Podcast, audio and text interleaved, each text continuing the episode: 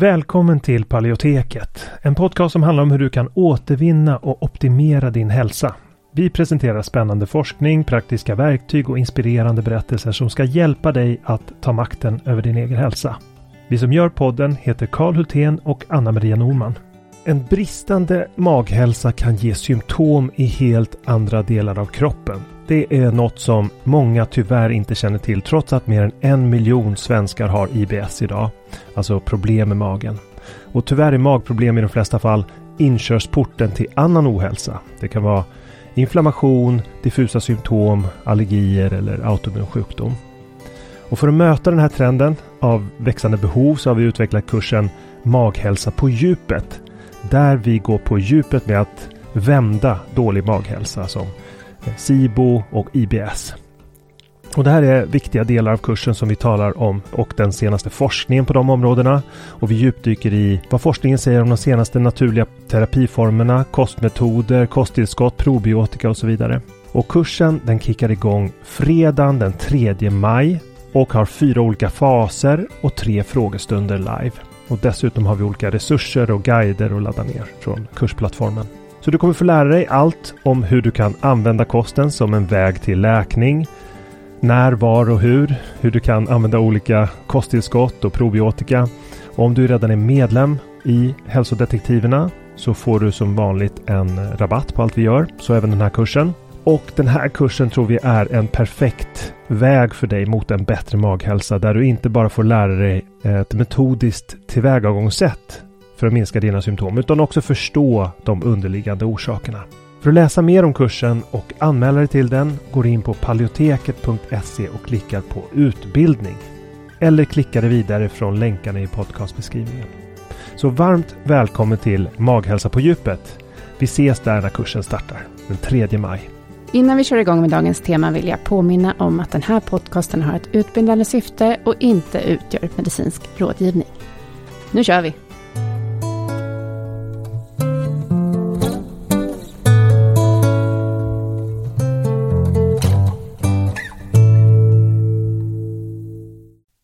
Hej och välkommen till dagens program. Jag heter Karl Hultén och idag sitter jag här och eh, pratar själv in i mikrofonen.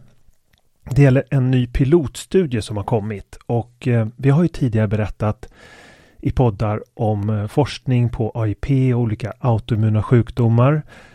I avsnitt 42 pratar vi om sköldkörteln och autoimmun kost, en studie på det. Och i avsnitt 29 så berättar vi om en annan forskningsstudie på autoimmun paleokost och eh, Crohns ulcerös kolit.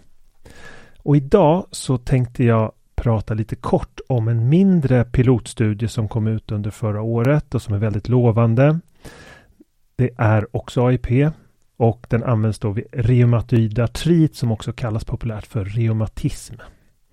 Och det är en av de största autoimmuna sjukdomarna i Sverige som drabbar ungefär 0,5 till 1 procent av befolkningen. I de flesta västländer så är det en av de största sjukdomarna och det innebär att omkring 50 till 100 000 personer i Sverige kan vara drabbade. Men det finns ju också olika former av reumatism i andra närliggande autoimmuna sjukdomar och dessutom så finns det ju då artros som är en form av reumatism kan man säga men som inte är den autoimmuna varianten. Men så det här handlar om kanske flera hundratusen människor som skulle kunna dra nytta av kostupplägget men i den här studien så handlar det alltså specifikt om reumatism, alltså reumatoid artrit. Och det är en kronisk sjukdom eh, som är jättestor globalt då förstås, drabbar väldigt många miljoner människor globalt. Och symptomen inkluderar främst inflammation i lederna, där man får antikroppar som drabbar ledytorna. Och det orsakar i sin tur smärta, svullnad och stelhet i lederna.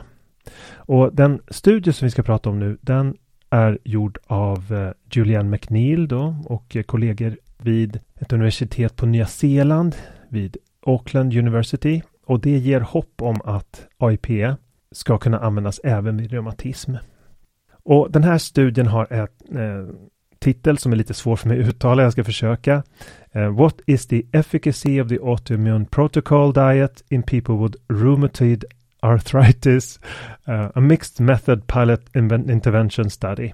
Och Den här studien var uppdelad i två faser. Först en fyra veckors kontrollperiod där deltagarna åt sin vanliga kost och sen så följde en åtta veckors period där de följde AIP-kosten. Det var nio deltagare, det var sju Eh, kvinnor och två män.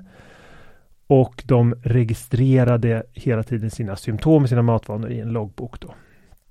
Vad är då AIP-dieten? Om jag tror att om du lyssnar på det här så vet du säkert redan vad AIP är för något. Men för våra nya lyssnare så kan jag berätta att det är en striktare form av paleo-dieten, alltså stenålderskost, som är speciellt framtagen för personer med autoimmuna sjukdomar. Och den här kosten eliminerar potentiellt inflammatoriska livsmedel, fokusera på näringsrika hela råvaror då. Livsmedel som elimineras är sådana som ofta orsakar överkänslighetsreaktioner, så det är väl inte att livsmedlen i sig är inflammatoriska, bara så vi inte skapar någon förvirring här. Men i och med att det kan orsaka överkänslighetsreaktioner så går det alltså att eliminera många av dem för att förbättra maghälsan och få ett lugnare immunförsvar i magen om man ska förenkla det hela. Det här har vi skrivit en hel bok om som heter Autoimmun handbok. Men vi ska gå in på resultaten, men innan vi ska göra det så måste vi tala lite om vad forskarna använder för mätverktyg eh, här. För att mäta effekten av kosten så används något som kallas för Rapid 3 och det är ett sammansatt index som mäter fysisk funktion, eh, smärta och livspåverkan vid en reumatism. Och varje del betygsätts och det finns fyra svårighetsgrader av den. Hög är mer än 12, måttlig mellan 6,1 och 12, låg mellan 3,1 och 6 och nära remission då är under 3. Så kriterierna för att få vara med i den här studien var att man skulle vara stabil när det gällde läkemedelsbehandling, alltså man skulle inte ändra den på något sätt. Och man skulle dessutom inte äta någon form av elimineringskost eller paleo eller AIP sedan tidigare, utan man ska bara äta helt utan restriktioner sedan tidigare. Och vi hoppar rakt in i resultaten. Då. Vad visade resultaten? Jo, Sammanfattningsvis kan man säga att deltagarna rapporterade märkbara förbättringar på tre områden som var då trötthet, sömn och smärta. Om vi först börjar med trötthet så hade deltagarna innan de började med AIP ett medelvärde på 4,44 så det är ju milda symptom då. Men efter AIP-kosten så hade tröttheten minskat till ett medelvärde på 1,11.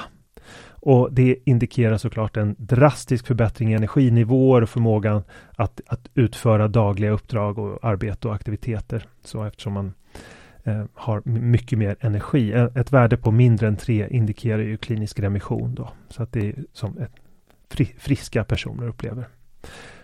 Om vi då går vidare till sömn så var medelvärdet för sömnproblem 3,77 innan eh, kostinterventionen och efter AIP så förbättrades det till 1,22 vilket tyder på betydligt färre sömnstörningar och bättre sömnkvalitet. Det, det gör att eh, man kan naturligtvis vara betydligt mer produktiv på dagarna och må betydligt bättre. Det höjer livskvaliteten betydligt.